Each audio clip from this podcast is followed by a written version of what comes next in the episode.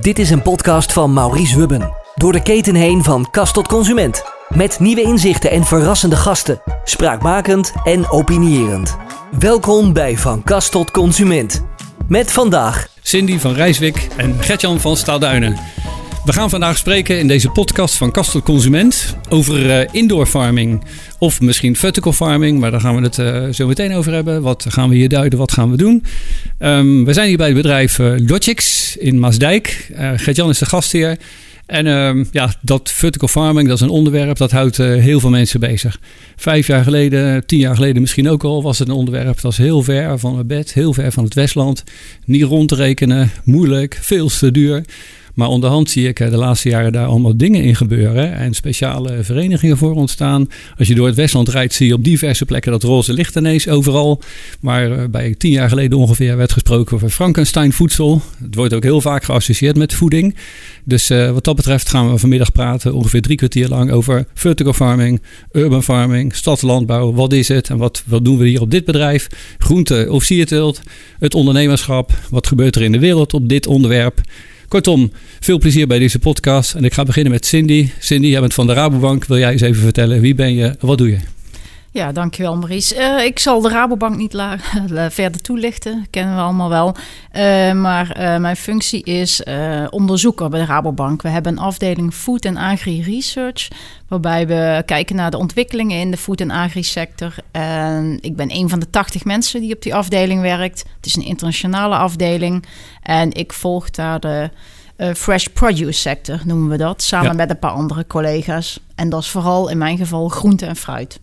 En hoe hou je die vertical farming in de gaten wereldwijd? Volg je alle nieuwsbrieven, ontwikkelingen, cijfers? Zijn er ook veel klanten van jullie? Precies, uh, nieuwsbrieven, uh, data. We, we, zoeken zelf op het uh, internet naar allerlei gegevens. We hebben een paar klanten die eraan doen. Ehm, ja, het is nog wel lastig, moet ik zeggen, om hier echt goede informatie over te vinden. Want de sector is nog enigszins gesloten. Maar misschien komen we daar later nog op terug.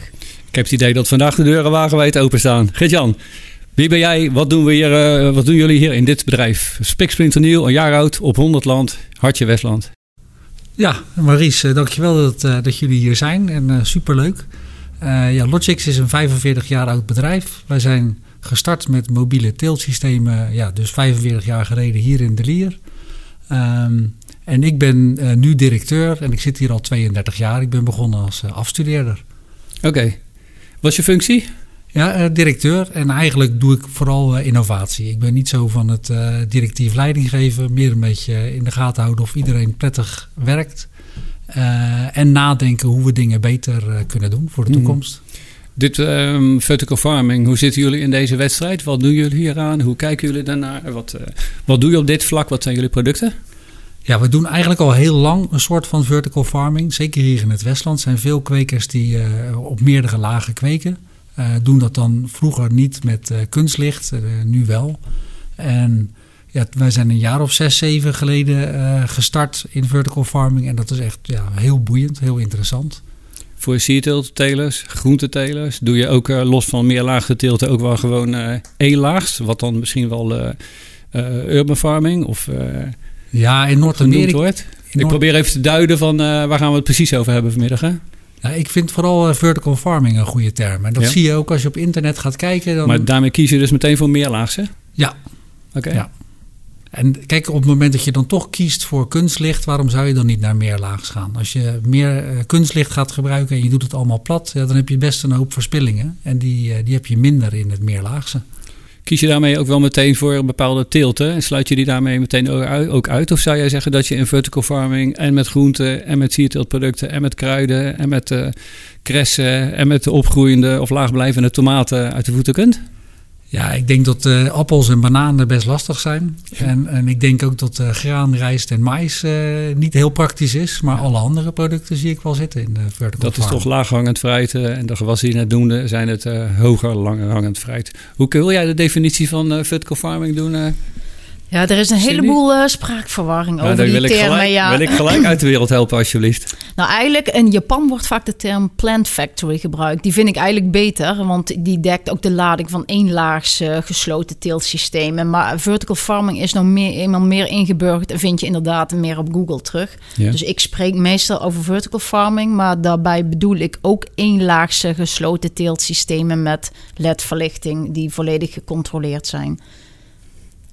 Dat begrijp ik. Want in meerlaagse teelten kan je ook een kassen doen natuurlijk. Hè? En die zie je ook wel. En daar wordt dus geen LED-verlichting bij gebruikt. Ja, is het dan vertical farming eigenlijk wel? Een champignonteelt is ook meerlaag, is ook vertical farming. Maar ja, dat verstaan we er nu meestal niet onder als we het erover hebben. Dus het is, ja, blijft een beetje lastig, Witlofttrek definities. is ook eh, Ja, precies. donker, maar dan helemaal zonder licht. Voor mij is het wel basis aan de definitie. Het buitenlicht eh, speelt niet mee. Dat schakel je uit. Is dat, eh, zijn we het daarover eens?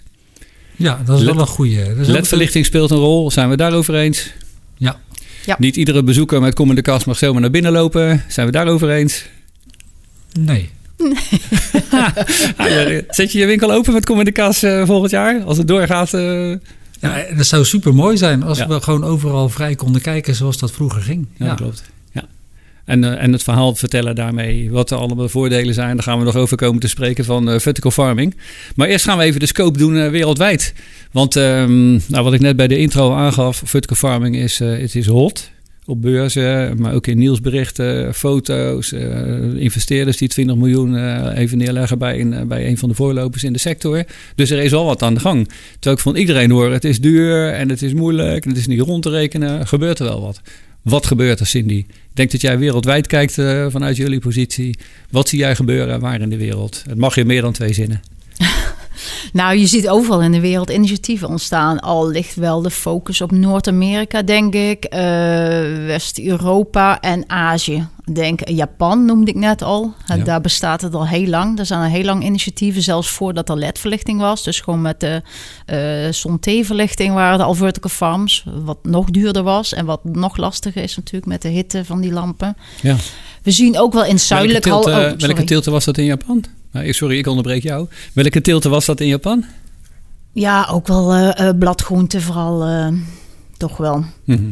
Ja, zo heeft ieder land heeft zijn eigen reden of ieder gebied om aan vertical farming te gaan doen. En Japan is denk ik voedselveiligheid een belangrijke. In Amerika is het misschien de lange afstand die soms is van teelt naar consument.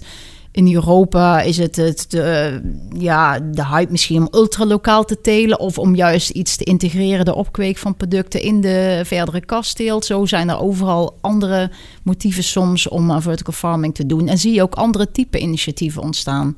Dus dat, het is niet, er is niet één vertical farming, denk ik. Er zijn heel veel verschillende businessmodellen ook... en verschillende type farms overal in de wereld... eh. Ik mis nog het Midden-Oosten, Dubai. Daar ik juist de laatste tijd ja. van die hyperige, Nou, die niet interessante, op- ja, glimmende, daar zijn glimmende veel- berichten over. heel veel plannen en, en eh, heel veel mensen die er geld in willen stoppen. Maar heel, heel veel van die plannen zijn nog niet, eh, ja, hebben nog niet, eh, zijn niet gebouwd, eh, moet ik zeggen. Staat er überhaupt één? Volgens mij wel. Ja. Ja. En ook een paar high-tech kassen wel. Dus dat wordt ook nog wel door elkaar gehaald. Hè. Vaak heeft men het ook wel over indoor teelt. Soms heeft Indoor, men het dan over... farming. Ja, Dat precies. is ook wat ik hoor. Er zijn mensen die zeggen, nog even terug naar de definitie. Vertical farming is inderdaad die gestapelde teelt. Indoor farming is hetzelfde, maar dan toch die eenlaags teelt. Dat is een verschil tussen indoor farming en Nou ja, vertical in farming. eh, feite is een plastic kas is ook indoor farming, want het is ook bedekte teelt binnen. Dus dat is, ja. Maar zonder buiten, wel weer met buitenlicht, waar we het net over hadden. Volgens voor mij is indoor farming ook kastteelt. Oké, dan, gaan we, dan, dan gaan we die term niet meer gebruiken, want daar gaan we het echt niet over hebben. Nee, Ehm, bij de voorbereiding van dit gesprek, eh Geert-Jan, heb ik, eh, hadden wij al even een praatje. Heb me ook wat mails gestuurd. En eh, jij hebt een bepaalde visie op de functie van, van indoor farming. Of laten we het, hebben laten we het houden op vertical farming. Wat het nut ervan is, waarom jullie het boeiend vinden aan de duurzaamheidskant. Maar ook dat bijvoorbeeld de, de gangbare glastuinbouw en vertical farming veel van elkaar kunnen leren. Of met name ook dat door wat we leren in vertical farming, je in kassen toch nog wat beter kunt telen. Er zit een wisselwerking in. Die had ik nog niet gehoord. Wil je dat eens toelichten? Eh, ja, graag. Eh, ja, het is een beetje bij toeval dat ik dat ontdekte. Wij waren natuurlijk altijd puur met de logistiek bezig en niet zo heel veel met klimaat en met eh, irrigatie. Maar je merkt dat, dat het heel vaak gebeurt ja, dat de, de plant niet het optimale klimaat heeft om te groeien. dus bij het groeien in de kas is het heel vaak toch niet perfect. En bij het groeien buiten al helemaal heel vaak niet.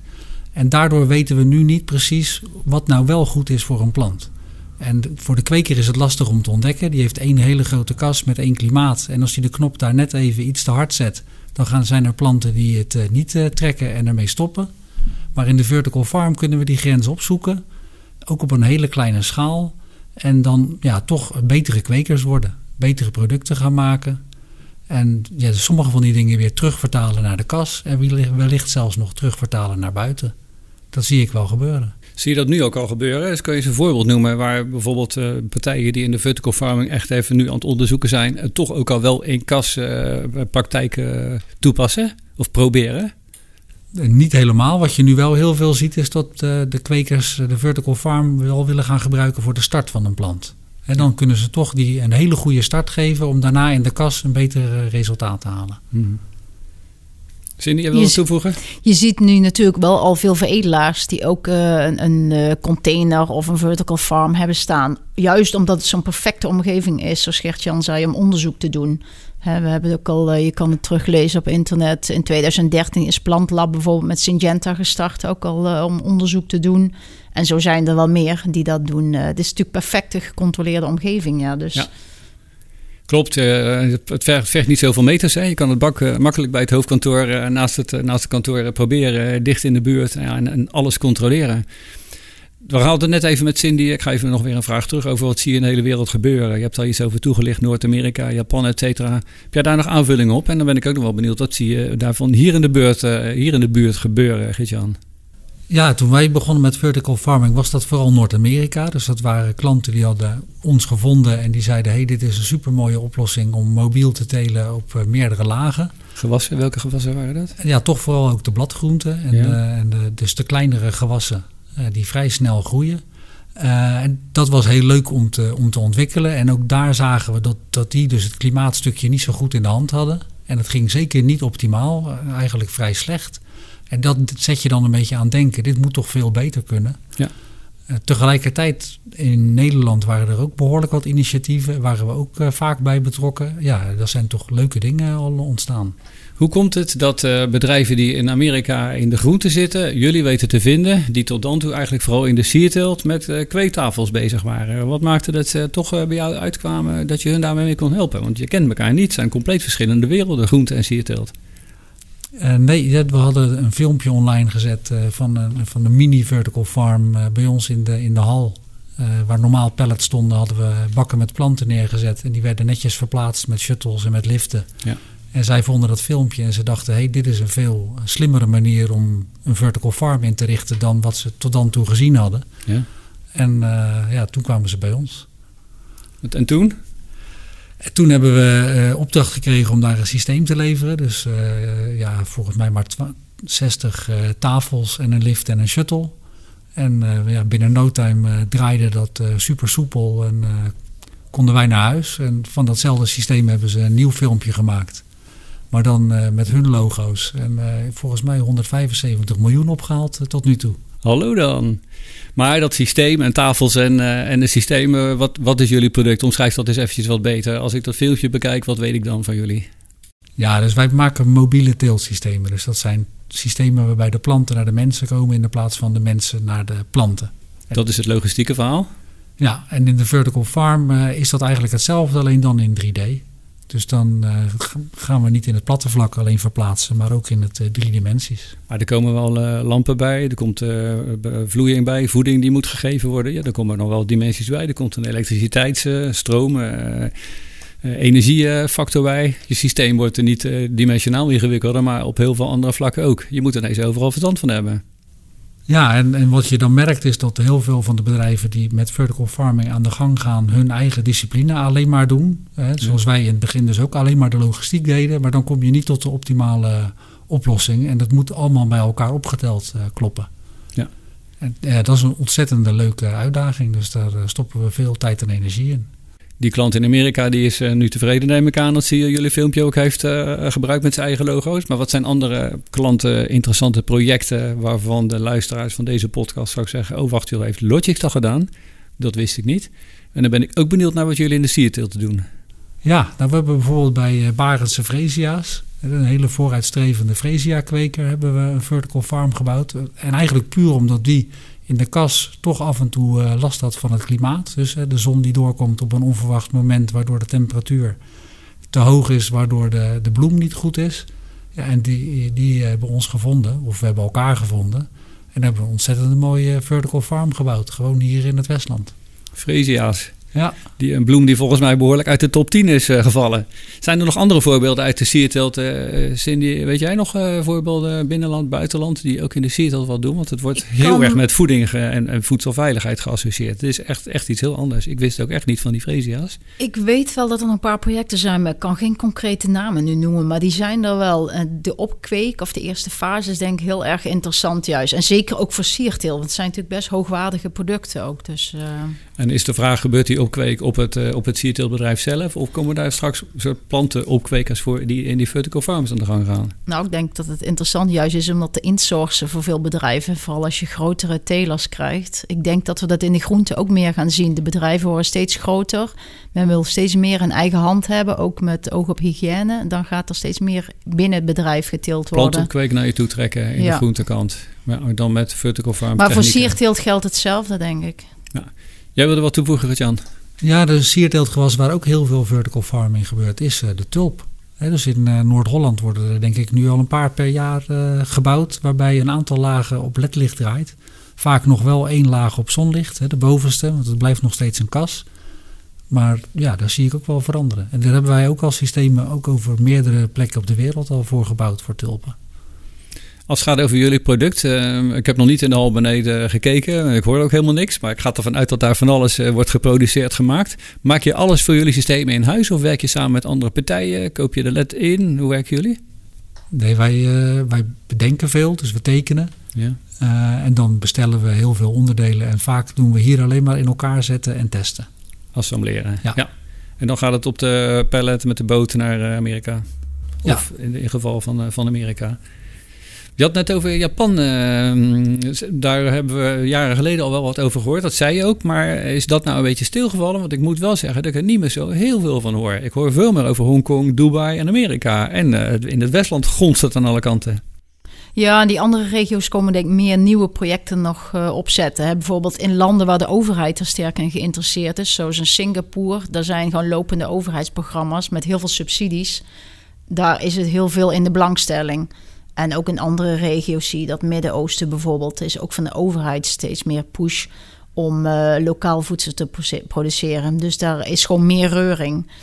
In Japan, ja, daar heb ik niet zo'n zicht op of er nog heel veel nieuwe projecten komen. Jij misschien, Gertjan? Nee, we hebben ook uh, niets uh, met Japan. Ik denk dat het in Japan ook een redelijk volwassen industrie is. En Japanners zijn toch wel van nature dat ze toch heel graag zelf doen. Heel veel controle op uh, processen, producten willen ze daar heel graag. Ja. Wat mij nog bijstaat uit Japan is dat daar bedrijven als Hitachi en Panasonic uh, jaren geleden grote bedrijven naar nieuwe markten wilden. En heel veel grote bedrijven die iets anders moeten, omdat ze in hun eigen business wat uh, eruit raken. gaan naar voeding. Precies, dat, ja, er zitten al heel veel van die bedrijven in die soms ook een tech-achtergrond al hebben. Helemaal. Dus die zullen niet zo snel vanuit Europa of Amerika nog expertise erbij halen, denk ik. Tegelijkertijd heb ik wel, eh, als het gaat over eh, spelers uit eh, andere landen, grote bedrijven die naar die voeding willen, komen er niet helemaal zelf om met hun techniek, dat zie je ook in de robotisering, echt voeding te krijgen met die tuinbouw. Die missen die groene vingers. Wat dus maakte dat bijvoorbeeld een bedrijf als Seton, nu kennen we denk ik wel hier uit de regio, een aandeelhouder heeft met heel veel technische kennis, maar een robotachtergrond, een Japans bedrijf, die zoeken die samenwerking. Zo'n grote techbedrijf gaat niet zelf naar die tuinbouw, zoekt een partner met groene vingers. Kan je dat, heb je dat beeld bij, Geert-Jan? Uh, ja en nee. Kijk, wat natuurlijk ook heel veel gebeurt, is dat die hele grote techbedrijven met enorm veel geld uh, heel vaak uh, geld stoppen in de startende vertical farms overal. Ja. dus in Noord-Amerika, al die hele grote vertical farms, Plenty, Arrow Farms, Bowery, die hebben eigenlijk allemaal geld van Google Ventures of Amazon. En ik, ik denk dat ze op die manier die, die markt betreden. Ja, ja. Dus met geld en de kennis kopen ze eigenlijk bij de vertical farm zelf. En niet bij een andere toeleverancier die die vertical farm bouwt. Tot nu toe is dat de benadering die ze hebben. En eigenlijk uh, hoop ik dat ze daar nog een tijdje mee doorgaan. Want volgens mij is het niet de benadering die werkt. Nee, Nou, over tien jaar hebben we weer een heleboel geleerd. Dan eh, voeren we misschien weer zo'n gesprek met hele andere uitkomsten. is natuurlijk ook heel gek. Hè? Je ziet hier toch geen tomatentelers die hun eigen kassen gaan ontwikkelen en bouwen. Ja, ze, ze hebben er veel verstand van. Ze weten waar ze het moeten kopen. Maar ja, het zijn totaal andere expertises. Ze gaan het niet echt zelf Dus doen. ik ben Nee. het met Gert-Jan eens. Ik denk dat ze over een tijdje dat ze dat gewoon inkopen bij eh, ja, bedrijven die bewezen hebben goede systemen te kunnen leveren. En, Ja. en die fase zit het nog. Het moet nog in ontwikkeling en er moet nog kennis gedeeld worden. Het moet nog duidelijk worden wat een juist systeem is en wat, wat een goede standaard is, denk ik. eh. We gaan over naar een volgend onderwerp. Dat betekent dat we even gaan luisteren naar de bumper. En dat kan zijn een hommel die voorbij komt vliegen, of een kastdeur, of een deur van een vertical farm. Tot na de pauze. Welkom bij Van Kast tot Consument. We zijn hier bij het bedrijf eh, Logix. En eh Gert-Jan, jij wilde iets vertellen over jullie bedrijf en met name jullie purpose. Waar zijn jullie voor? Wat doen jullie hier? Waarom doen jullie dat? Er ligt ook een heel mooi boek van een bekende eh, denker, volgens mij, aan ten grondslag. Simon Sinek. Klopt dat? Ja, klopt. We hebben Simon Sinek zijn methode gebruikt om, om eigenlijk toch wat meer te ontdekken waarom doen we dingen zoals we ze doen. We kwamen erachter dat we dingen anders doen dan de rest en dan probeer je dat te plaatsen. En eh, ja, de purpose van Logix is accelerate access to honest food. Dat is best apart, want in 90% van onze klanten zit in de sierteelt. Eh, en ik probeer dat een beetje uit te leggen met de waarden. Onze waarden zijn eerlijk, eerlijk, lief, nieuwsgierig, trots en verantwoordelijk. En, en bij dat verantwoordelijk zit vooral, we voelen ons ook echt verantwoordelijk voor al onze klanten. Dus zeker ook voor de sierteeltklanten. En, en sierteelt is ook wel eh, iets heel bijzonders. Hè? Dat zorgt voor mooie planten in huis en, eh, en gezelligheid en romantiek. Maar de echte impact, die eh, denken we toch te bereiken met eh, voedsel. En dat is vandaar Accelerate Access to Honest Food. Mooi. Eerlijke voeding. Wat maakt die voeding eerlijk eh, als, je, als jullie je ermee bemoeien? Ja, dus op dit moment in de voedselproductieketen zit, zitten toch een hoop dingen die niet helemaal eerlijk zijn vanuit ja, de, de aarde of vanuit de mens. Hè. Dus we maken voedsel wat lang houdbaar is en wat, wat er mooi uit moet zien in de plaats van gezond. Eh, de productiemethode is vooral gericht op de prijs in de plaats van eh, eerlijk voor de aarde of eerlijk voor de mensen. Ja, er zijn toch een hoop dingen die nu niet goed zijn. En om die voedselketen te veranderen, ja, dat zou super mooi zijn. Mijn volgende vraag gaat over duurzaamheid. Wat een brug maak jij. Wat, wat fijn is dat. Ja. Is eh, vertical farming duurzaam? Ja, op dit moment is natuurlijk het lastige aan de vertical farm is het elektriciteitsverbruik. En ik denk Ja. dat iedereen dat wel herkent als eh, het minpunt. Het enige ongeveer. Ja, en voor de rest zitten er eigenlijk vooral heel veel eh, pluspunten aan. En ik verwacht zelf dat dat minpunt met de tijd eh, steeds minder problematisch wordt. En dat de pluspunten het ruimschoots gaan winnen. Wil jij de pluspunten voor je rekening nemen, Cindy? Duurzame pluspunten van vertical farming. Uiteraard is eh, heel duurzaam dat, we, dat je weinig hulpbronnen gebruikt. Hè? Dus heel weinig water gebruikt. Je kan zonder eh, eh, gewasbeschermingsmiddelen telen. Dat, dat zijn natuurlijk hele eh, belangrijke pluspunten. Ehm, ja, ruimtegebruik kan ook heel duurzaamheid, dat je, eh, duurzaam zijn. Dat je weinig ruimte eh, nodig hebt. Nou vergeet ik er misschien een paar. Ik weet niet of ik... Mag eh, aanvullen, eh, Ja, ik, ik vind die ruimtegebruik wel een hele belangrijke. Het, het is natuurlijk best apart dat er één eh, diertje op aarde is dat gewoon de hele aarde voor zichzelf eh, claimt. Dat zijn wij. En dat zijn wij. Ja. En, eh, en dat, ja, over het algemeen doen we dat nu steeds netter. Hè. Dat zie je vooral in Noordwest-Europa. Dat, dat we de rivieren schoner maken, dat we meer natuur terugbrengen. En als je die trend doorzet, dus gewoon kijkt hoe we met technologie steeds beter voor de aarde kunnen zorgen, dan kunnen we ook steeds minder ruimte gebruiken. En het dicht bij de consument kunnen produceren is natuurlijk ook eh, duurzaam. Al moeten we daar wel, eh, ja, je moet wel goed kijken naar de juiste locatie. Het hoeft niet altijd het meest duurzaam te zijn om echt midden in de stad te zitten. Het kan ook bij een distributiecentrum ergens op het platteland zijn. Dus dat moeten we, ik denk, wel eh, goed in het oog houden. Ja. Maar ja, Maar dat, eh, rond, eh, het is niet rond te rekenen wat tien jaar geleden door iedere gangbare teler werd geroepen. Is het, eh, is het nu intussen wel rond te rekenen? Wat zijn inderdaad de randvoorwaarden waar, waar dat wel is? ligt Kunnen eraan we- waarvoor, hè? Kunnen we wel even de, het hoofdstuk calculatie breed pakken, breed pakken? Mogen het ook breed pakken hoor.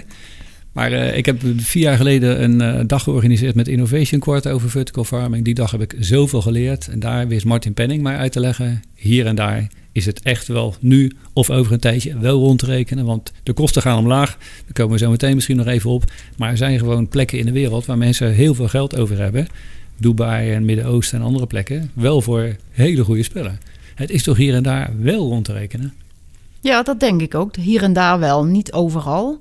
He, want als we even kijken naar Nederland is misschien wel het slechtste voorbeeld. We betalen hier ontzettend uh, lage prijs gemiddeld voor ons voedsel. Ja. En dan wordt het heel lastig en de concurrentie is enorm. Maar zit je in uh, Dubai, waar de aardbeien uit de VS worden ingevlogen soms... nou, dan is het misschien best aantrekkelijk om uh, het wel in een vertical farm te telen. En de kosten van zo'n vertical farm die gaan, ja, die gaan heel snel omlaag volgens mij... En het hangt natuurlijk ook van de lokale omstandigheden, van elektriciteitsprijzen, et cetera, af. En wat je uiteindelijk teelt. Gert-Jan noemde het straks al. Je gaat geen granen in een vertical farm telen. Ook geen appels. Dat is belachelijk. Maar uh, kruiden en uh, ook uh, verschillende slaassoorten... die hebben gewoon een hele hoge kiloprijs en een hele korte teeltcyclus. Dus, Ik hoor wel al proeven met frambozen. Zie je dat gebeuren? Tomaten, zie je dat gebeuren? Ja, als uh, klein jongetje was ik uh, vooral fan van de framboos. Bij ons thuis werd dat veel gegeten. En ik zag wel een toekomst voor me later als uh, de eerste die jaar rond frambozen ging kweken. Hè. Dan hebben we het wel over 40 jaar geleden, toen je ze nog niet jaar rond had. Ja. ja, op dit moment is dat al geregeld. Ik zie dat bij de framboos zeker wel lukken. En de aardbei ook. Heel, de, de grote gewassen, tomaten en paprika. Maar dat zijn wel, ja, bij zoals het nu geteeld wordt, tomatenplanten van een metertje of 15 lang. Maar dat kan je toch veranderen? Je kan dan andere rassen? Er zijn toch heel veel tomaten die gewoon op de grond worden geteeld uh, voor Unilever? De originele tomaat, ja, die groeide over de grond. Dus, uh, ja, die was geel. Ja, nee, maar die, die, die, kwam niet hoger dan 30, 40 centimeter vanaf de grond. Ja. En uh, ja, als je gaat veredelen naar twee, drie trosjes en dan de plant weggooien, ik zie dat wel gebeuren. Maar nou even naar consumenten. Ik ben marketeer, ik vind ook nog wel eens belangrijk wat consumenten vinden. En heel veel consumenten, zeker van mijn leeftijd, ik, uh, ik durf jullie leeftijd niet zomaar te vragen. Maar is, heel veel mensen zijn opgegroeid met zongerijpte tomaten, zongerijpte frambozen en aardbeien. En uh, we hebben het nu over voeding die nog nooit zon heeft gezien. Hoe ga je dat uitleggen aan consumenten? En aan uh, jonge en aan oudere consumenten? Wij hebben een paar jaar geleden een onderzoek gedaan, heeft de student uh, ons laten, uitvoeren, laten gedaan, over hoe consumenten aankijken tegen teeltsystemen van die producten. En de uitkomst was dat, ja, maar dat was ook onder Nederlandse consumenten, dat uh, de mensen wel uh, willen betalen voor iets wat ge gezond en veilig geteeld is. Dus dat zou uh, voor een vertical farm zijn. Maar heel veel consumenten maakt het eigenlijk niet zoveel uit. Als het maar gewoon goed eruit ziet en de kwaliteit is goed, dan vinden ze het wel best. Maar dan betalen ze ook niet extra voor een product uit een vertical farm. Maar ik denk dat het voor de bedrijven die bijvoorbeeld groenten snijden, dat het wel handig is als er geen slakken in terug te vinden zijn, bijvoorbeeld en kikkers. Dat is een beetje een nachtmerrie van ieder groentesnijder dat het op Facebook verschijnt. Weet nou, Of, ja. ja, of zand in de sla. Ja, precies. Dus uh, die zijn wel bereid om daar wat extra's voor te betalen. En in Japan zijn mensen ook bereid om extra te betalen als het gewoon heel veilig en uit een clean uh, omgeving komt. De Japanse consument. Precies, maar er zijn ook landen, misschien Duitsland, Frankrijk, waar mensen wel meer gevoelig zijn voor iets wat natuurlijk is, wat natuurlijk dan ook mogen zijn. Maar ja, ja. Dus ik denk dat het heel lokaal is en persoonlijk ook kan ik me iets bij voorstellen. Het staat wel erg ver af uh, van uh, wat ze in Brussel nog steeds biologisch noemen. Dat je met de wortels in de grond moet telen. Je kent die discussie wel met grond en substraat. Ja, hier komt er geen grond, maar ook geen substraat meer aan te passen. Dus dat dit biologisch wordt gezien, terwijl het eigenlijk mega duurzaam is. Ja, dat maakt de biologische discussie in Brussel met 27 landen nog wel wat ingewikkelder. Ja, de lobby eh, voor biologisch heeft het echt supergoed gedaan. Klopt. En, uh, en toevallig de partij die dat in Nederland gedaan heeft, die is nu bezig met de vertical farming uh, lobby. Dus uh, ik denk dat dat ook helemaal goed gaat komen. Dat is wel nieuws voor mij. Ja? Ja, tenminste, een van de mensen die daar toen heel erg fanatiek aan gewerkt heeft, die zit in een werkgroep voor vertical farming vanuit Innovation Quarter. Oké. Ja. Werkgroep Vertical Farming uh, klinkt wel erg naar samenwerken. Dan komen we op mijn volgende vraag. Is de vele vertical farming nou iets wat ieder bedrijf lekker ook binnen het Westland hier zelf uitzoekt? Of uh, gaan, pakken we ook een beetje elkaars handen beet? Betalen we dingen samen? Gaan we die projecten, deze hele branche samen groter maken? Ja, het, het, voelt nog een beetje eng voor, de, voor de meesten. een aantal denken toch dat ze iets bijzonders hebben, wij ook. En, en houden dat nog het liefst een beetje stil. Ja. terwijl samen komen we natuurlijk veel verder. Ja. En als BV Nederland kunnen we toch niet alleen. Die markt is uh, zo gigantisch groot. Dus ja, zo langzamerhand gaat dat denk ik uh, wel ontstaan. Maar er is dus een werkgroep. Wat doe je daar wel samen? En daar wordt eigenlijk... Lobby begrijp ik? Lobbyen, uh, onderzoek met scholen erbij. ja, veel onderzoek. En, en, en dat is best leuk. gebeurt dat rond het World Horti Center of nog andere instanties? Ja, World Horti Centrum, de WUR, Innovation Quarter. Ja. is best een behoorlijke groep. En ook inderdaad de universiteiten en hogescholen. Wij hebben het een tijd gehad dat wij binnen het Westland uh, helemaal niet in de gaten hadden hoe goed we eigenlijk wel zijn. Hè? Tegenwoordig komen we daar in Nederland in het Westland wel een beetje achter. We zijn wat meer vier, net als jullie in de kernwaarden hebben staan. Robaan dat roept, we moeten wat meer vier zijn op ons. Maar intussen is er wel weer vijf of tien jaar verstreken. Zijn wij nog steeds zo goed uh, op wereldniveau? Of zijn er intussen in allerlei landen bedrijven die het eigenlijk ook wel gewoon kunnen? En hebben we intussen, dat wij vier werden, het kaas toch een beetje van het brood laten eten als we niet uitkijken? Nou ja, de hoeveelheid geld die uh, besteed wordt aan vertical farming in Amerika en in uh, China, ja, dat, dat, kunnen we gewoon totaal niet aan tippen hier. Dus als het puur om het geld gaat, gaan we verliezen. Dus we als moeten het geld hier, Als we dat geld hier besteden, vind ik het niet erg. Ik denk dat uiteindelijk geld niet uh, de winnende factor is. De winnende factor is toch nieuwsgierigheid en kennis en samenwerken. En dan heeft Nederland gewoon een enorme voorsprong op de rest van de wereld. Oké, dus dat is wel het antwoord. We hebben nog steeds wel die voorsprong op wereldniveau op de techniek. Alleen we geven wij het er zelf niet aan uit wat er op wereldschaal in uh, gebeurt en wat er in Amerika gebeurt. Ja, en op genetica. Hè. Heel veel van de gewassen is toch uh, de genetica uh, in, in Nederland. Hè. Er zijn heel veel belangrijke spelers. Ja, dat klopt. En van al die bedrijven, bedrijven kijk jij even aan Cindy, zaadhuizen houden dat volgens mij allemaal met argusogen in de gaten. Hè? Nou, iedereen houdt het wel in de gaten en is, ja, volgt de ontwikkelingen wel. Dat moet ook wel, denk ik. Maar het is één grote puzzel hè, om een succesvol vertical farming systeem of um, businessmodel te hebben, denk ik. En al die puzzelstukjes moeten in elkaar passen. En het is niet inderdaad uh, alleen geld of alleen maar uh, de technische kennis. Ik denk ook de, ja, de markt is heel belangrijk. En dat vergeten ook veel van die Amerikaanse partijen. Er zitten dan uh, mensen vanuit de techniek die denken het ei van Columbus te hebben gevonden. En ze hebben een hele grote zak geld. En zijn dan heel druk met de ontwikkeling van het ideale systeem. Maar vervolgens is er geen klant of weinig klanten. Want dat is nog wel een lastig puntje. En supermarkten roepen in de media wel van we willen lokaal product en het uh, veilig en vertical farming is het. Als het puntje bij paaltje komt en je moet onderhandelen en ze moeten daadwerkelijk product afnemen, dan valt het best wel eens tegen. Ja, ik, eh, dat, dat is volgens mij wet van mede en persen. Dat hoorde ik tien jaar geleden al van de inkopen van Jumbo. Toen waren wij bezig met dat pure natura product. Eigenlijk biologisch, maar dan, dan op substraat. Eigenlijk duurzamer dan alles. Hartstikke goed, we willen het graag hebben, maar wel voor dezelfde prijs. Het is gewoon een eh, voorwaarde, een license to produce, een voorwaarde om te mogen leveren. Die duurzaamheid die moet je wel regelen, maar wij gaan het niet betalen. Dat is wat ik overal hoor. Ik hoop dat je daar met je vertical farm producten die daadwerkelijk beter zijn, niet alleen duurzamer, maar ook daadwerkelijk aan het product merkbaar beter zijn, wat bij wegkomt. Maar vooralsnog met die eh, enorme eh, concurrentie tussen de supermarkten hier in Nederland en in West-Europa, lijkt me dat mij lastig om dat met een meerprijs verkocht te krijgen hoor. Of zie je dat nog wel gebeuren, Cindy? Nou, dat blijft gewoon lastig, omdat er dus naast Vertical Farms ook kassen zijn die een heel mooi product telen. Hè? En, en in, ook in de VS is het lastig, maar dan heb je soms het uh, concurrentie uh, vooral van veldproducten. En dan zie je denk ik wel een duidelijk verschil. Of dan heb je ook sowieso het voedselveiligheidsverhaal beter getackeld. Maar het is niet makkelijk. En zelfs niet in Singapore of dat soort steden. Want het is niet zo dat ze daar geen voedsel kunnen krijgen. Ze moeten er misschien wat meer moeite voor doen qua logistiek. Ja. Maar het is er wel. Er is gewoon heel veel concurrentie. Ja, begrijp ik. Jij wil wat aanvullen, Jan? Ja, ik, ik denk dat uh, een groot succes bij vele introducties is dat je begint aan de bovenkant. dus dat je begint met uh, niet per se kijken naar de prijs, maar kijken naar de kwaliteit. En ik denk dat in vertical farming lekker eten en gezond eten, consequent, iedere week weer. Dus gewoon uh, heel erg leven betrouwbaar zijn en gezond en lekker, dat dat de winnende factor gaat worden. Dat gezond, kan je dat aantonen? Ja, dat is denk ik zeker aantoonbaar ik, ik, zelf kan het niet. Maar uh, je kan natuurlijk de inhoudstoffen onderzoeken. En je kan in een vertical farm daar wel veel beter op sturen dan dat je dat kan uh, buiten of in de kas. Dat is nou precies ook de trigger die was op dat symposium wat ik vier jaar geleden organiseerde over vertical farming. Er was iemand bij van Groen Aangecontrol. Kun je telen met meer inhoudstoffen? Aantoonbaar? Ja, natuurlijk. Want wat je erin stopt, komt er ook uit. Maar intussen doet niemand daar nog wat mee.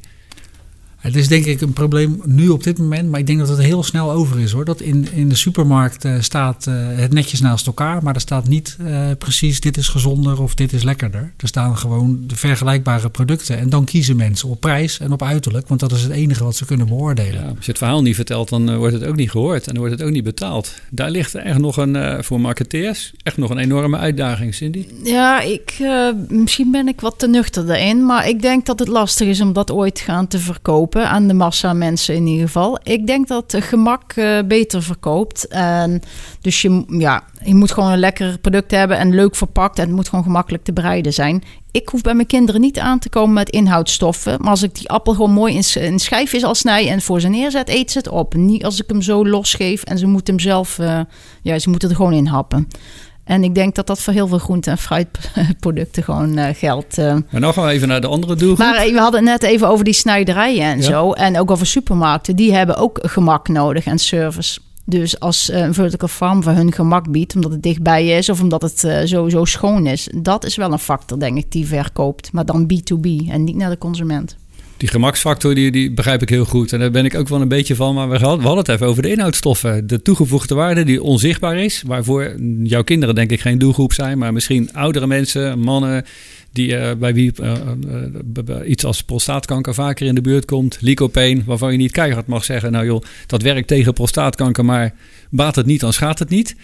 Daar, ik denk dat we daar wel marketingtechnisch nog iets, iets mee kunnen. Ja, en met de, de, online winkels heb je natuurlijk ook wat meer kans. Hè. Bij een supermarkt heb je gewoon een schap dat is zo groot. En daar kan je maar deze producten neerzetten. En dan moet die supermarkt uh, kiezen wat hij doet. Om, eigenlijk kiest hij alleen maar voor geld. Hij kiest niet voor de gezondheid van de klanten. Hij kiest voor het maximaliseren van zijn eigen winst. Ze zeggen wat anders, maar inderdaad, dat is wel de achterliggende agenda. Ja, en, en ik denk uh, bij online is dat uh, makkelijker te doen. Dan kan je natuurlijk uh, je onderscheiden dat iemand intypt: ik, ik zoek naar een maaltijd en hij moet ook gezond zijn. Ja. en aantoonbaar gezond. En ik, ja, ik verwacht dat daar, dat daar wel kansen zitten. En dat is toch, dat groeit harder dan dat iedereen denkt. Oké, okay. ik hou hem in de gaten. En niet alleen komend jaar, de komende jaren. Daar gaat hier, zeker als ik Rob aan moet geloven, en dat is ook een man met lange adem, denk ik dat, dat hier wat te doen is. En misschien mag ik er nog wel een bijdrage aan leveren. Even naar iets anders. Hoe kijken jullie naar een bedrijf als Plantlab? Een speler uit Den Bosch die al heel lang bezig is, ook een patent heeft. Niet iedereen eh, vindt het heel erg aardig, maar intussen halen ze wel voor geld op en gaan ze picknick beleveren. Hele hippe dingen. Ze beleveren restaurants, wat nu dan even moeilijk is. Hoe kijk je ernaar? Nou, ik vind het heel knap. Het, het, leek een beetje alsof het allemaal mis aan het gaan was uh, bij hun. En met name omdat ze zo heel moeizaam uh, samenwerken. Of eigenlijk uh, niet. niet. Dat hoor ik overal, ja. En, en dan toch een partij binden. Ik heb wel het gevoel dat dat ook een soort de laatste redmiddel was. En ja, ze hebben een hoop kennis. En op die manier heeft nu toch de, de moedermaatschappij boven Picnic... is volgens mij ook de moedermaatschappij boven Plantlab geworden ja, die heeft een mooie combinatie uh, gemaakt. Oké, dus je ziet er wel uh, toekomst in. En dit is denk ik wel iets wat, uh, wat kan gaan werken. Ik denk dat meer retailpartijen op dit moment op dit pad zitten. Of ik weet het eigenlijk wel zeker. Er worden, worden wereldwijd behoorlijk wat experimenten nu gedaan. Dat tijd er wel weer een beetje op dat met hun tiltmethode en hun marketingpartners wel dingen zijn rond te rekenen. Ik denk dat het niet per se bij hun is. Ik denk dat het voor iedereen is rond te rekenen. Ja, mooi.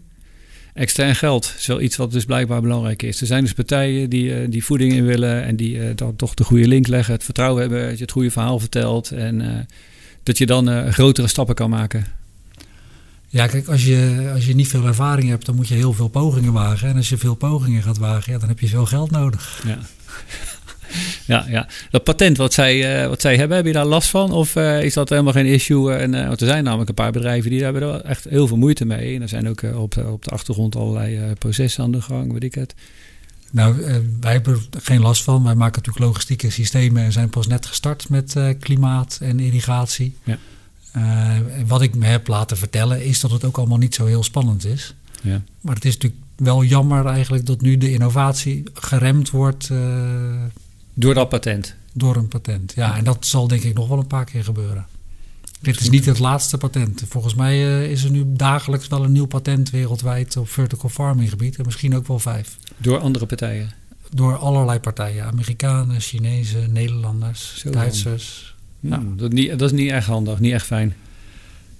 Ja, patentrecht is ook een beetje een apart recht. Het is natuurlijk bedoeld voor de uitvinder en om de innovatie vooruit te helpen. En in de praktijk wordt het gebruikt door de hele grote rijke bedrijven. Of ge, misschien wel misbruikt. Oké. We gaan weer dat even is mijn mening, hè? Ja, ja, ja. dat wil ik weten. Ik, uh, we gaan weer even naar de volgende bumper. Dit is een podcast van Maurice Wubben. Door de keten heen van kast tot consument. Cindy, jij bent van de Rabobank. Jullie financieren heel veel in de agrosector. Wat heb jij zicht op wat jullie financieren eh, wereldwijd? Uh, laten we beginnen in Nederland in deze sector, deze branche, waar we lang nog niet alles van weten en de risico's wat groter zijn. Ja, daar heb ik wel zicht op, omdat het bijna niks is. Het eh, feit is natuurlijk dat het gewoon heel lastig te financieren is, omdat het veel start-ups zijn die nog geen bewezen track record hebben. En voor een bank is dat heel lastig. Wij zoeken altijd zekerheid of een, ja, een bewezen cashflow of iets om te bepalen of iets financierbaar is. En dat is bij heel veel bedrijven niet. We hebben wel een paar klanten waar we dingen mee doen die in de vertical farming zitten. Maar uh, daarom zitten er ook zoveel externe financiers in, omdat banken het ja, vrijwel niet uh, financieren. Dus dat is lastig. We, ja, we zouden wel willen. Um, het is voor ons ook heel moeilijk om te zien van die tien bedrijven. Ja, zou je liefst hè, die twee krenten uit de pap willen pikken. Maar dat is nog niet zo makkelijk. Uh, ook omdat we heel weinig informatie hebben. Dus als we een uh, businessplan van een tomatenteler zien, uh, dan eh, zien we wel van oh, die kilogram opbrengst en die prijzen die ze zijn gebudgeteerd, die kloppen wel met de benchmark die we hebben. En hij is lid van die telersvereniging en dat gaat goed en dat ziet er stabiel uit, die klanten. Precies, maar voor vertical farmen hebben we eigenlijk nauwelijks een benchmark. Dus uh, dat maakt het heel lastig om te zien van, oh, zijn die uh, kruidenopbrengsten of die slaaopbrengsten, zijn die uh, ja, normaal of zijn die veel te hoog ingeschat? We, we, hebben wel een beetje gevoel bij, maar nog niet heel veel. En het zijn natuurlijk allemaal verschillende gewassen, redelijke niche-producten. Dus dat is erg lastig voor ons. En ja, het helpt ook soms niet mee dat er hele opgeklopte verhalen tussen zitten. Waar jullie er wel doorheen prikken? Ja, Waardoor we dus niet zo heel veel gefinancierd hebben nog. Want uh, heel veel van de bedrijven die nu uh, ja, op de markt zijn, uh, ja, die hebben hele grote verhalen. maar vooral eigenlijk om investeerdersgeld op te halen. En die kunnen nog niet bewijzen dat ze daadwerkelijk een, ja, een, een winstgevend business hebben in de teelt. En als jullie dat niet doen, denk ik dat andere banken het ook niet, uh, niet heel veel doen. Dus dat het heel veel van grote bedrijven komen die willen investeren in die markt met een lange termijnvisie en een rendementsgedachte. Ja, ja, we kijken wel of we andere oplossingen kunnen bedenken. Misschien iets met leasing of uh, andere zaken, maar dat is allemaal nog lastig. Of via onze investeringsfondsen die we hebben, die kijken hier ook al naar. Natuurlijk zitten we wel aan de toeleveringskant. Dus veel van de bedrijven die techniek en zo leveren, die financieren we wel. Ja. Maar de vertical farm zelf is gewoon heel lastig. Uh, de telers, dat is natuurlijk een ander verhaal als die het voor de opkweek gebruiken. Dus dat is allemaal wel prima te regelen. Maar echt vertical farms, ja. En soms ziet het plan er goed uit, maar dan vraag je, uh, ja, aan wie ga je de, uh, die kruiden verkopen? Oh, er zijn genoeg restaurants in de buurt die het willen afnemen. Is dan het antwoord, ja, dan is het voor ons ook redelijk eenvoudig om nee te zeggen als dat het uh, marketingplan is, zeg maar. Toen was er nog niet eens een lockdown voor de restaurants natuurlijk. Ja, ja. ja daar hebben we het dan nog maar niet over, want dat, ja, daar kunnen we, kan men natuurlijk niks aan doen. Maar, uh... maar Cindy, wanneer die vertical farming zich wel verder ontwikkelt, grootschaliger wordt en de Rabobank vergaart er ook veel meer kennis over, dan is de kans toch wel aanwezig dat jullie dat veel meer en vaker gaan financieren? Ja, heb jij nog een, uh, een, mening over die financieringsvraag? Jullie zijn zelf ook gefinancierd, denk ik, als toeleverancier. Nee, wij, wij uh, laten ons uh, braaf financieren door onze klanten. Ja. Dat gaat hartstikke goed. Ja? Ja, dat is een mooi, mooi model. Ehm, nee, ik denk dat het dat inderdaad het moet bewezen worden. en daarvoor moet je eigenlijk een betrouwbaar productiesysteem hebben. En zodra je een betrouwbaar productiesysteem hebt, dan krijg je ook vanzelf klanten. Uh, en dan is die financiering niet meer zo uh, heel moeilijk. Dus dan, dan ga je als ondernemer op een willekeurige plek eerst op zoek naar uh, ja, het systeem dat jij wil toepassen. op zoek naar je klanten. En met die twee papiertjes ga je naar de bank. dan gaat het lukken. Ik denk ook dat er wel, wij nu in deze pioniersfase financieren eigenlijk ook als er een heel slim idee is van een ondernemer. ja, dan, dan, ja, dan doen we een lagere prijs. En dan uh, wordt het afbetaald in de komende jaren. die vertical farms, uh, en hierna gaan we de slotvraag doen. Die vertical farms, worden die nou vaak opgezet toch door partijen van buiten? Of maak je er ook wel mee dat uh, gaan telen sla in vertical farms? Dus dat telers in gangbare systemen toch overstappen naar vertical farm systemen? Of komen de vernieuwingen toch wel vooral van telers van buiten de sector die die historie in die kast niet hebben? Die echt wel anders en out of the box kunnen denken. We moeten eerst de tomatentelen ook nog zien. Hè? Die uh, echt wel geld verdienen, groeien, maar die allemaal liever 10 hectare gangbaar bijbouwen. Dan dat een grote tomatentelen, die echt wel financiën heeft, is zeggen: Nou, weet je wat, joh, we gaan toch ook eens even kijken of we die tomaten in hele andere omstandigheden kunnen telen. Of uh, doen ze dat wel, maar weet ik dat niet. Nou, als, uh, als het gewoon prima lukt in die Venlo-kast, dan zie ik ze niet zo heel gauw overstappen. Maar ze zullen het wel uh, in de gaten houden, denk ik. Als ze zien dat iets anders meer opbrengt, dan gaan ze denk ik wel overstag. Maar zolang het werkt wat ze gewoon doen, zie ik het niet zo gauw gebeuren dat gangbare telers die overstap maken. Het zijn nu natuurlijk vooral partijen, nieuwe partijen, partijen van buiten die erin stappen, inderdaad. Uh, Toch wel? Ja. Niet zozeer de gangbare die op, overstappen naar het nieuwe vergt ook wel wat natuurlijk. -hmm. De mens is geneigd altijd te blijven doen wat hij altijd gedaan heeft. Zeker ja. als hij daar succes mee had. En zeker ja. als het mannen zijn. Hoezo? ja. Dat is echt een, echt een mannending volgens mij. Oh, dat, dat weet ik niet hoor. Er zijn ook wel veel vrouwen die uh, graag doen wat ze altijd ja? deden. Ja, ja oké. Okay. Gelijk uh, in de hoek gezet. Um, ik wil graag naar de afsluitende vraag. Hebben jullie nog een speciale boodschap, mededeling of iets? Ik begin bij jou, Geert-Jan, voor de luisteraars van uh, deze podcast van Kast tot Consument over indoor farming. Ja, dankjewel. Ja, wij zijn in de laatste jaren behoorlijk uh, snel gegroeid. Uh, zowel in mensen als in omzet. En die, nu willen, zoeken we toch vooral nog wel wat mensen die die uitdaging van die vertical farming zien zitten. Die, die daar een rol in willen spelen, die de wereld wat mooier willen maken.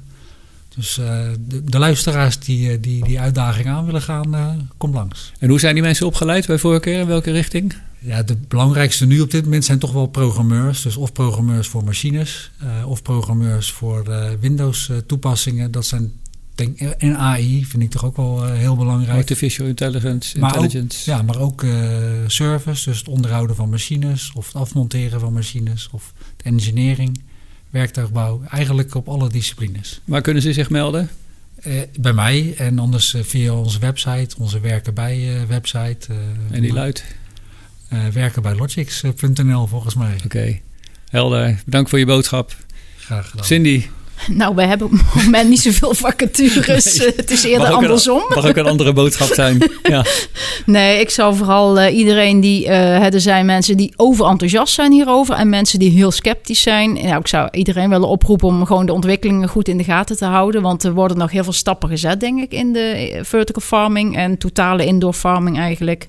He, dus uh, ja, zaken kunnen zomaar veranderen de komende jaren. En dan kan het in één keer wel iets interessants bieden misschien uh, voor uh, ieders bedrijf. Of, nou ja, we moeten eigenlijk altijd naar de individuele situatie blijven kijken. Hè? Dus, we houden het in de gaten, we sluiten ja, niks uit, is jouw boodschap.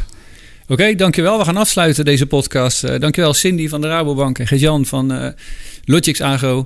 Dat we hier met jullie mochten spreken, voor de informatie die jullie willen delen. Bedankt ook luisteraars thuis. En tot de volgende podcast van Kast tot Consument door Maurice Zubben. Dankjewel. Graag gedaan. Dit is een podcast van Maurice Wubben.